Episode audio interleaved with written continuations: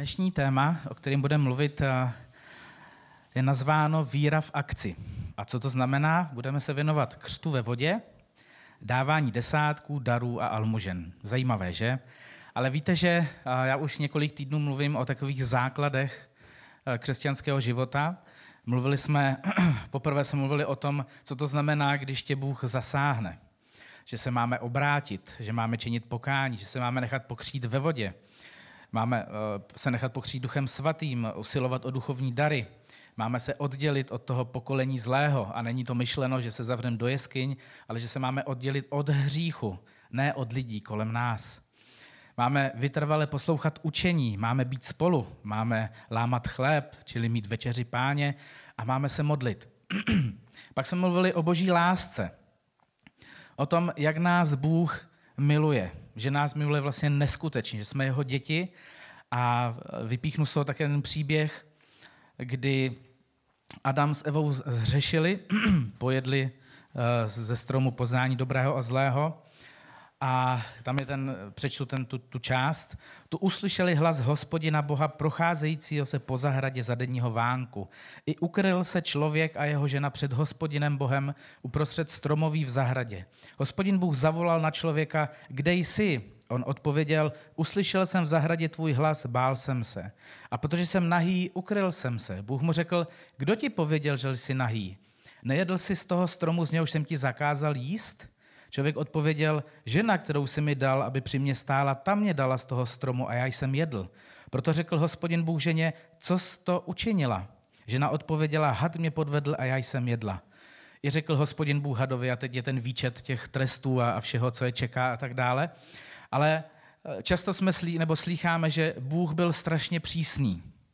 Ale ono to tak není. Když ten příběh čtete pozorně, tak zjistíte, že se Bůh neustále těm dvomu nabízel. Procházel se, zeptal se. Pak mu dokonce říká, nejedl si z toho stromu, z něhož jsem ti zakázal jíst? On mu vysloveně řekl, co udělal špatně a Adamovi stačilo říct, ano bože. Někdy říkal jsem, že to známe jako že rodiče a děti. Často prostě my zatloukáme jako děti a ne, ne. A rodič říká, ale fakt si nerozbil ten lustr, to sklo celý rozsypaný dole. Ne. Jo, a byl si doma sám? Ne. Jo, byl sám. A tak dále.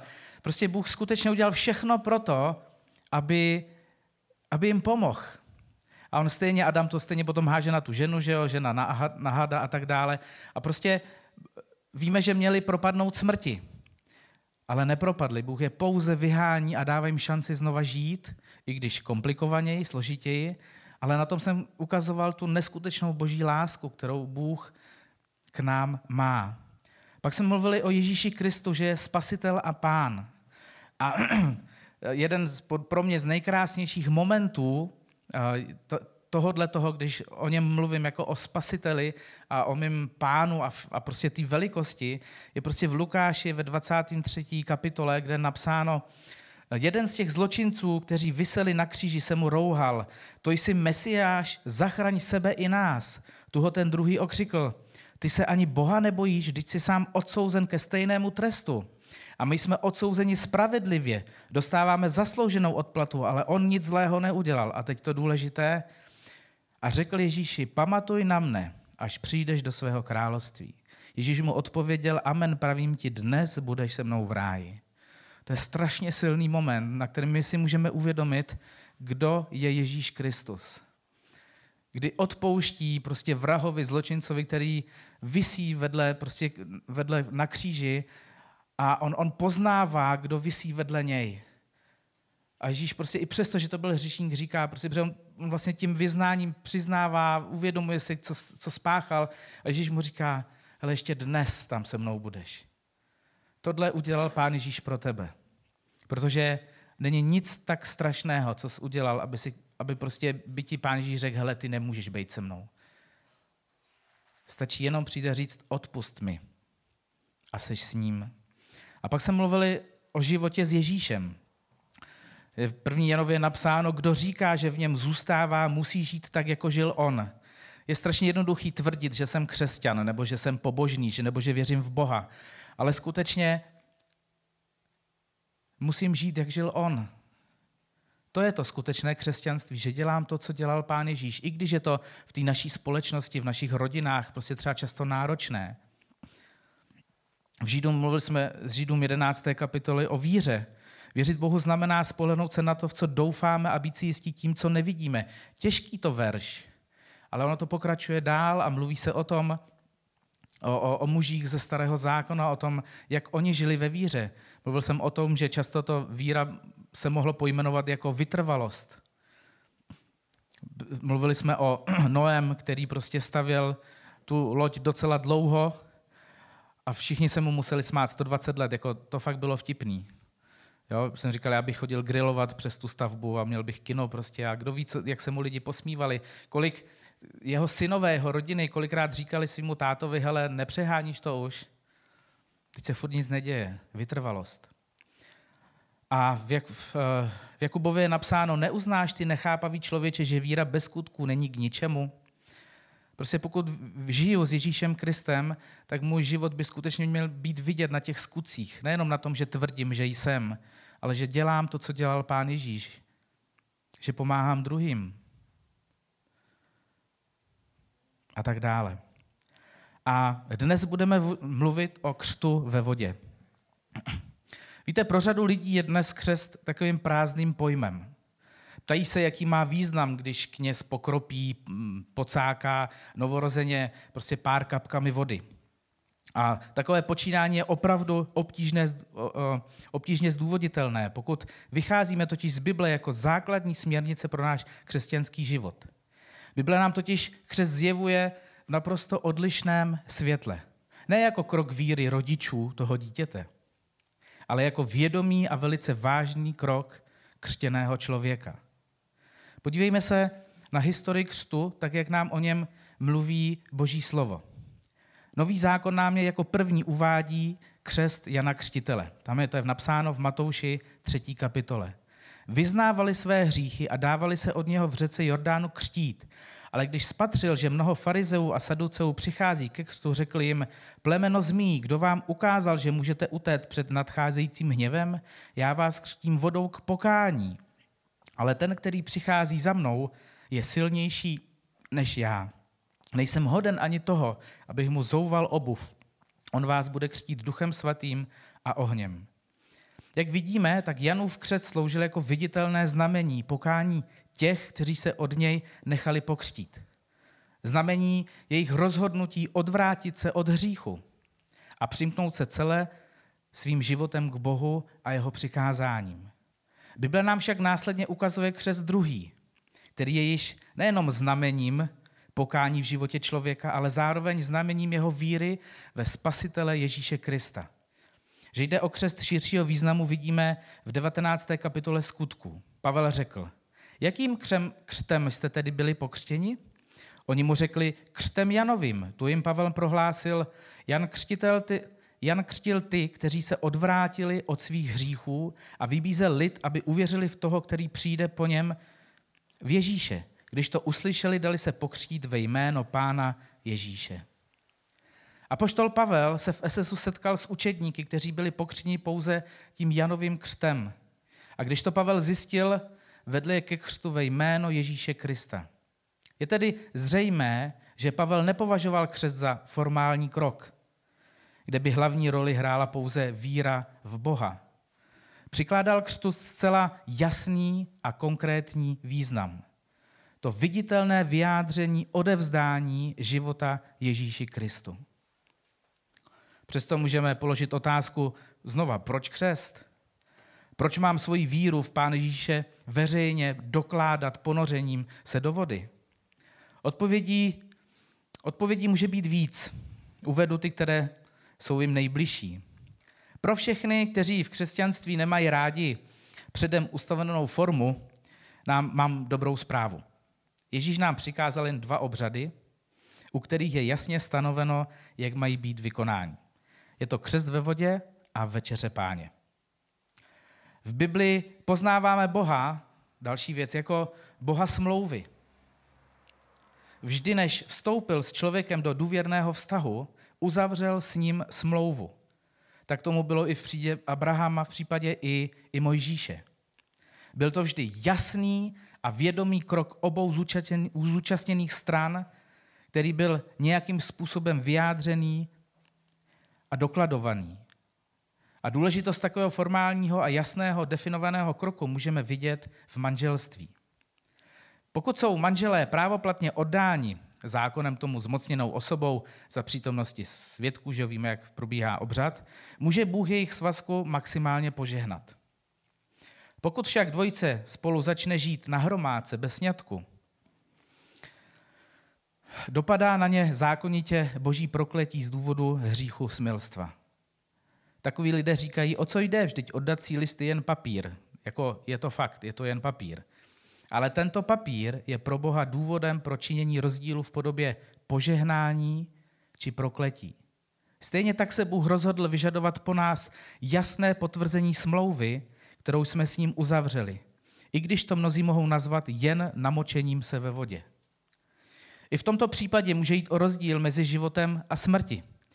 Markovi 16, 16 je napsáno, kdo uvěří a přijme křest, bude spasen. Kdo však neuvěří, bude odsouzen. Můžeme takto ten křest obrazně přirovnat oddacímu listu. Zdánlivě to je pouze formální krok, ale s obrovským významem. Potom ještě jedna odpověď nebo místo z Božího slova, to je v Matouši 3. kapitole, co řekl sám pán Ježíš Kristus Janu Křtiteli který se tehdy ho zdráhal pokřtít. Tu přišel Ježíš z Galileje k Jordánu za Janem, aby se dal od něho pokřtít. Ale on mu bránil a říkal, já bych měl být pokřtěn od tebe a ty jdeš ke mně?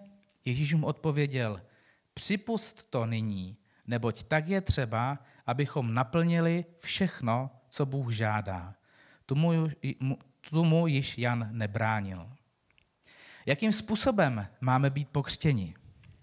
I zde nám boží slovo dává jasný návod. Slovo křest je odvozeno od řeckého slova baptizein, který znamená potopit nebo zničit. A opravdu křest takto probíhal. Jan Křtitel křtil v Jordánu a etiopský dvořan byl pokřtěn od Filipa v místě, kde byl dostatek vody. Prostě byl ponořen. To je ve skutcích 8. kapitole. Jak pokračovali v cestě, přijali k místu, kde byla voda. Dvořan řekl, zde je voda, co brání, abych byl pokřtěn. I dal zastavit vůz a oba Filip i Dvořan sestoupili do vody a Filip jej pokřtil. Archeologové nám dokonce dokládají, že v prvotních křesťanských chrámech byla stavěná baptistéria, tedy bazény ke křtu ponořením a ne křtitelnice k polití dítěte. Kdo má být pokřtěn? I zde je odpověď v božím slově naprosto jasná ten, kdo uvěří. Kdo uvěří a přijme křest, bude spasen. Kdo však neuvěří, bude odsouzen. Uvěřit může dítě, tak jako dospělý člověk. Ale v žádném případě to nemůže být novorozeně. Některé církve namítejí, že dům Kornéliův nechal apoštol Petr pokřtít celý, v čemž musela být jistě zahrnuta i ty novorozeňata. Kde pak?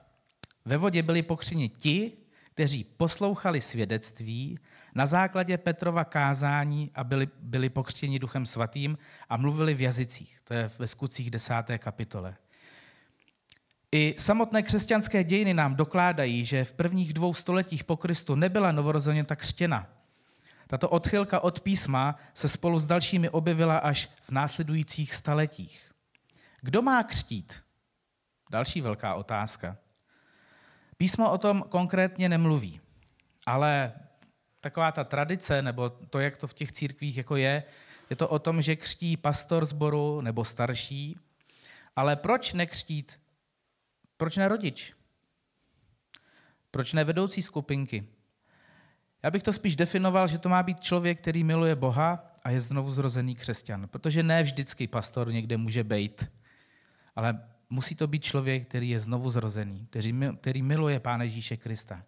A proč ne rodič? Myslím, že to je úžasná příležitost a krásná chvíle, kdy jako rodiče můžeme být součástí velkého rozhodnutí našich dětí. Kdy máme být pokřtěni? Některé církve či sbory odkládají křest na dobu, kdy je křesťan vyučen a jeho život nese viditelné ovoce Ducha Svatého. Jakkoliv je z, hledis, jak z lidského hlediska takový přístup moudrý, můžeme říkat, no on už, už jako ví, co chce, už se tak jako úplně, jo, jakoby už v tom chodí, ví, že, že, prostě, že už to dělá doopravdy a tak dále, tak je ale v rozporu s praxí prvotní církve. Pokud čteme v Novém zákoně místa, kde je popisován křest ve vodě, zjistíme, že proběhl většinou spíše hodiny než dny poté, co lidé uvěřili a vydali svůj život Ježíši Kristu. To nebylo až za měsíce, až se uvidí, jak to s tebou vypadá, ale bylo to prostě hned. V momentě, kdy prostě člověk přijímal Pán Ježíš Krista do srdce, tak následovalo prostě, následoval křest. Co se ještě dozvídáme z Bible o křtu? Nový zákon přirovnává křest k záchraně Noého rodiny v Arše či přechodu Izraelitů přes moře při záchraně před faraonovým vojskem. Ukazuje nám, že křest je skutečným přechodem ze smrti do života. V Koloským druhé kapitole napsáno, v něm jste obřezáni obřízkou, která není udělaná lidskou rukou. Obřízka Kristova je odložením celého nevykoupeného těla.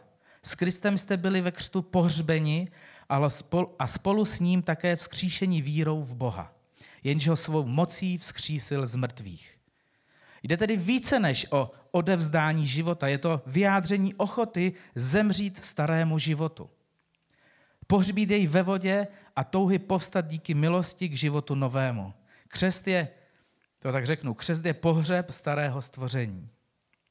Jestliže byl Kristus ochoten zemřít pro mne, jsem ochoten zemřít pro něj, abych už nežil já, ale on ve mně. Je křest ve vodě nutný ke spáse? Jak jsme si v předchozích kázáních, jak jsme mluvili o tom boží láska a, a co Bůh po nás chce a tak dále, tak eh, aby nás Bůh skutečně přijal, tak potřebujeme skutečně minimum.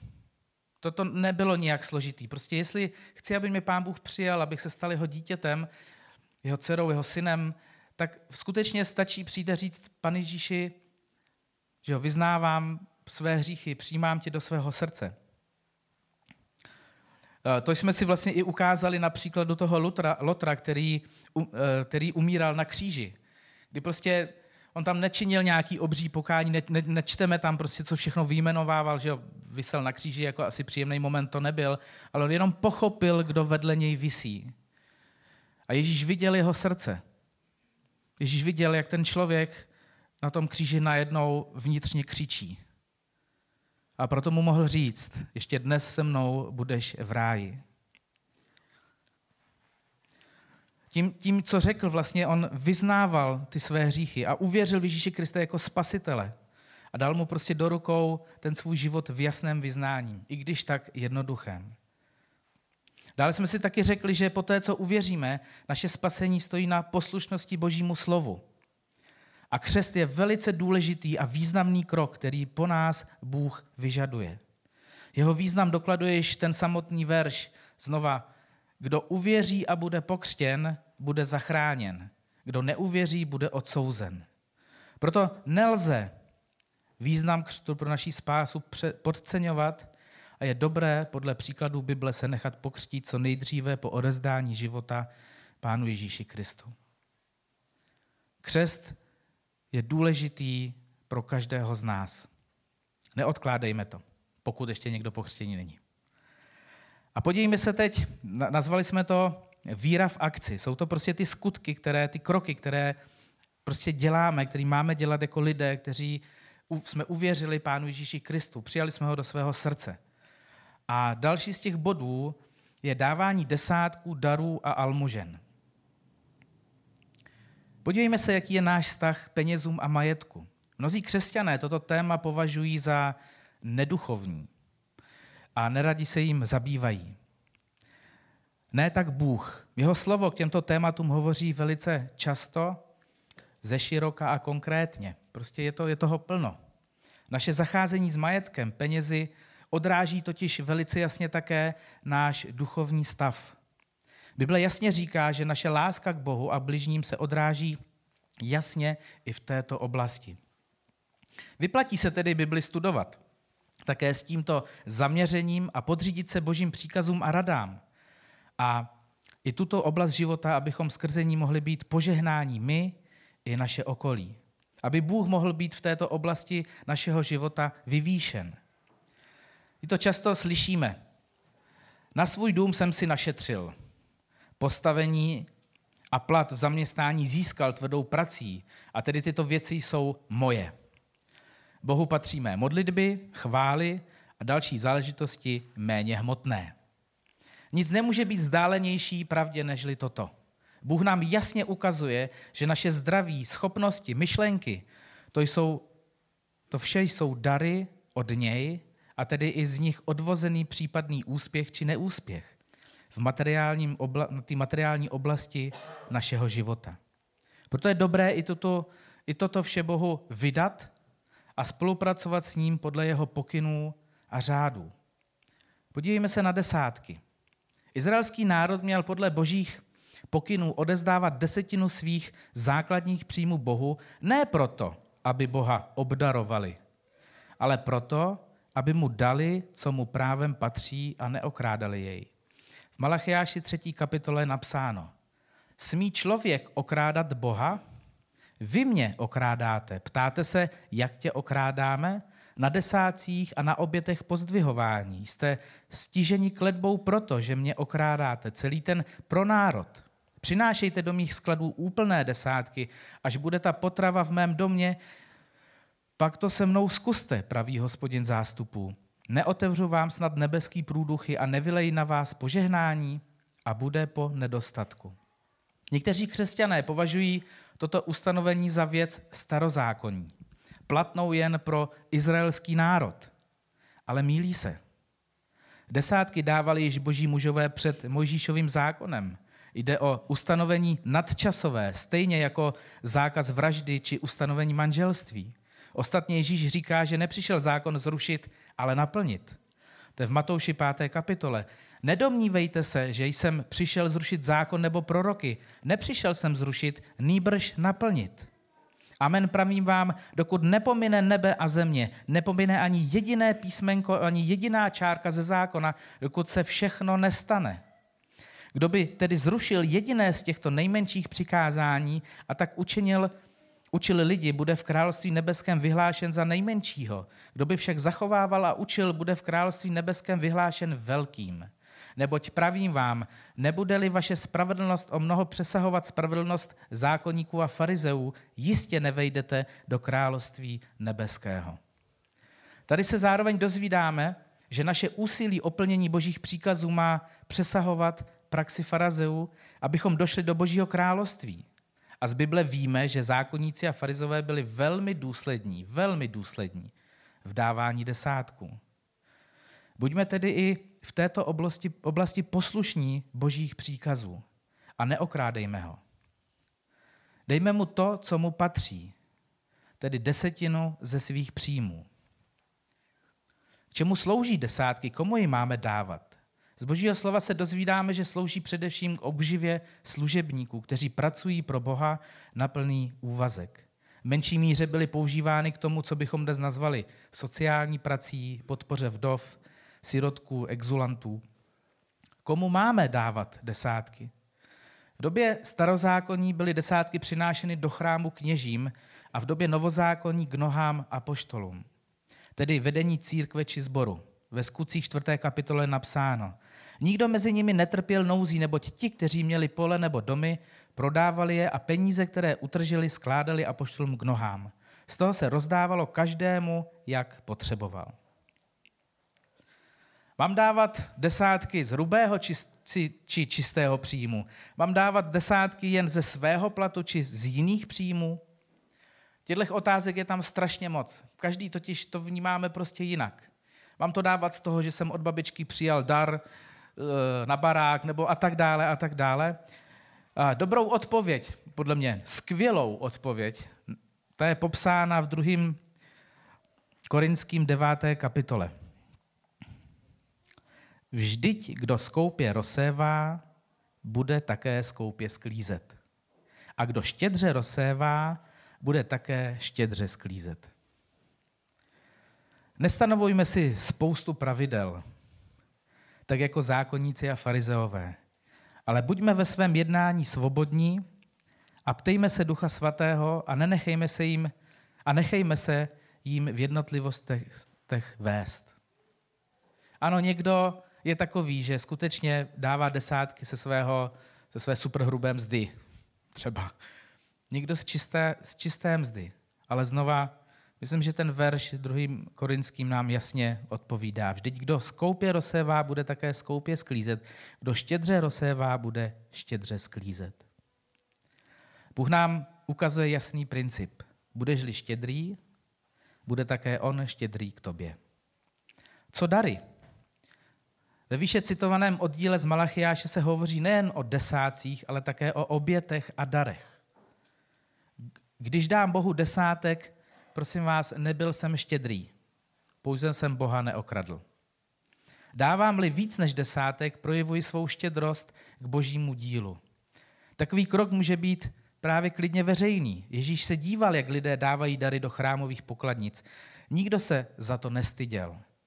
Dávejme do sbírek, které se pořádají v církvi, dávejme potřebným kolem sebe. Moudře a zodpovědně investujme majetek, který nám Bůh svěřuje. Dnes jsme dělali sbírku pro, pro rodiny, pro maminky, pro tatínky, kteří jsou prostě sami s dětma a to je přesně ono, to je sbírka. Tím můžeme pomoct prostě lidem kolem nás. A pak další věc, co jsou, jsou almužny. Jich se písmo dotýká, když říká, ale když ty dáváš almužnu, ať nepozná tvá levice, co činí tvá pravice, aby tvá almužna zůstala skrytá. To je v Matouši 6. kapitole. Almužna je věc či peníze, které nepotřebuji, jsou pro mne takzvaně nadbytečné. Jejich darováním by pokud možno nemělo být ani veřejné. Má někdo nedostatek a vidím to, tak dej. Možná někomu nakoupíš, možná někomu dáš bokem peníze, řekneš, hele, vnímám prostě, že ti mám pomoct. Pozor, půjčka není almužna. Není to tak dlouho, co za mnou přišel jeden nevěřící člověk, byl za mnou jakoby za, na, na spověď. A prostě mluvil o tom, jak je jako dobrý člověk a jak, jak pomáhá lidem prostě a tak dále. A, a právě eh, si přečetl z Bible o těch almužnách a říkal mi prostě, že on se jako skvěle chová, že on dělá ty almužny. A já jsem říkal, jak, jak, jak, jak jako? A on právě říká, no, já prostě mám peníze, že jo, tak těm lidem půjčuju. A říkám, no ale to jako vůbec jako postrádá smysl, teď víš, že, že tam máš napsáno, že, že co činí tvá pravice, ať, ať, to, ať to nepozná tvá levice, ať to, to má být skrytě. Jak, jak, jak můžeš mít almužnu, že někomu prostě dáš půjčku a říkám, kolik procent? prostě 40% si bereš navíc, to prostě s tím nemám nic, nic společného, to je prostě lichva. Byl prostě strašně uražený, jo, jakože, že prostě on přece dělá dobro a říkám, víš, kdyby si vzal ty peníze a rozdal je, tak se můžeme bavit o almužně potřebným. Když vezmeš ty prachy a půjdeš do města a budeš rozdávat těm potřebným na ulici, tak se můžeme bavit o almužně, ale jinak prostě ne. Ale musíme v tom mít také moudrost. Má to lidem pomoct, ne umožňovat žít na hraně společnosti. U nás ve sboru často řešíme prostě návštěvy různých lidí, kteří prostě žijí na ulicích. Kde je ta hranice, kdy dáváme almužnu a skutečně lidem pomáháme, anebo jim umožňujeme ten jejich život žít. Protože si věřím tomu, že almužna není jenom o tom, že mu dám tisíc korun, ale že mu třeba pomůžu tomu člověku najít smysl života, že mu pomůžu říct, hele, ty potřebuješ teen challenge a já tě tam odvezu a nic za to nechci. To může být almužna. Co říct k dávání na závěr? Jeden křesťan řekl věc, která mě velice oslovila. Můžete se s lidmi dohadovat, zda je dávání desátků biblické či nikoliv. Můžete citovat spousty veršů, ale k čemu to je? Je přece důležité, co naplňuje naše srdce. Soběstřednost je nikdy nenaplní. Štědrost ano. Dneska to nebylo tak moc o nějakých duchovních věcech, ale křest ve vodě, dávání desátků, darů, almuženců, to je pro mě víra v akci. Když skutečně tvrdím o tom, že věřím v Ježíše Krista, že jsem křesťan, tak se mám pokřtít, ale pak mám dělat nějaké věci, které možná nejsou tak populární, Jsou možná komplikovaný, ale jsou důležitý. Dát Bohu, co mu patří, umět obdarovat druhé lidi a umět myslet na lidi, kteří potřebují moji pomoc. To je pro mě víra v akci. Pane Bože, já ti chci moc poděkovat za to, že, že v Biblii je mnoho míst, kde to není jenom o tom ovanutí ducha, já nevím čeho všeho prostě, ale o takých praktických věcech, jak máme žít ten náš křesťanský život. Na co si máme dávat pozor, co máme dělat, ať je to štědrost, ať jsou to dary. Já tě prosím, pane Bože, aby v těchto věcech jsme skutečně byli příkladným, příkladnými křesťany a lidmi aby jsme mohli říct, že skutečně myslíme víc na druhé než na sebe, že máme na přednost, v přednosti u sebe prostě ty lidi kolem nás, že nám na nich záleží. Děkuji ti za to, že tě prostě známe, pane Bože, že tě máme. A tak i na tomto místě tě chci poprosit teď, pane Bože, za tu situaci, která teď tady prostě kolem nás je. Ukaž nám, komu my jako církev skutečně můžeme pomoct tou situací, kdo kdo se skutečně dostal do komplikací a životních problémů díky těm uzavřením práce a škol a podobně. Já tě prosím za to, aby jako církev jsme skutečně zasahovali a pomáhali tam, kde, kde můžeme, kde máme. Protože věřím tomu, že to má být tou naší součástí. Prosím tě, pane Bože, pokud uh, i v našich srdcích je chuť dát někomu, ať, ať prostě dáme víc než jenom sbírku, ať dáme víc než jenom, co máme, prostě, protože jsou lidi, kteří jsou daleko hůř na tom než my. Já tak tě prosím znova, ať to správně využijem, tenhle čas, ten věc, kterou tady prostě zažíváme teď. Amen. thank you